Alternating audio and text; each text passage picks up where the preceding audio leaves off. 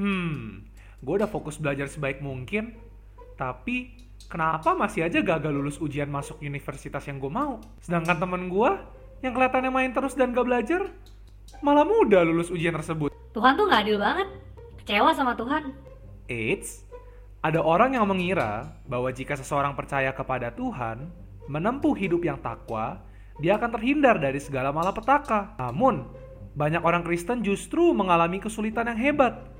Bahkan ada orang yang hubungannya dengan Allah lagi manis-manisnya, justru dia semakin menderita. Beritaan dalam Filipi pasal 3 ayat 8 adalah supaya aku memperoleh Kristus. Meskipun Allah yang hidup dapat melakukan banyak hal bagi manusia, tetapi Allah yang hidup itu tidak dapat bertumbuh di dalam manusia jika tanpa penderitaan. Sekalipun Allah melakukan beberapa hal bagi kamu, tapi setelah peristiwa itu, kamu masih tetap seperti dulu.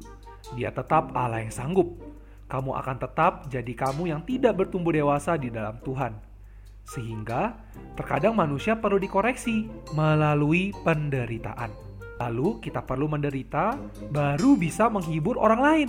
Karena mereka yang menderitalah yang baru bisa menghibur orang lain, kita juga akan memiliki daya tahan ketika mendapatkan pendisiplinan melalui penderitaan. Dan terlebih lagi, kita akan menjadi bejana yang sesuai untuk Allah pakai. Hingga sasaran akhir dari penderitaan adalah untuk menggenapkan kehendak Allah yang jauh lebih indah dari apa yang kita rancang. So guys, sekarang kita mulai belajar untuk tetap datang kepadanya melalui firman dan doa. Bukan karena penderitaan yang kita alami malah membuat kita jauh daripada Tuhan.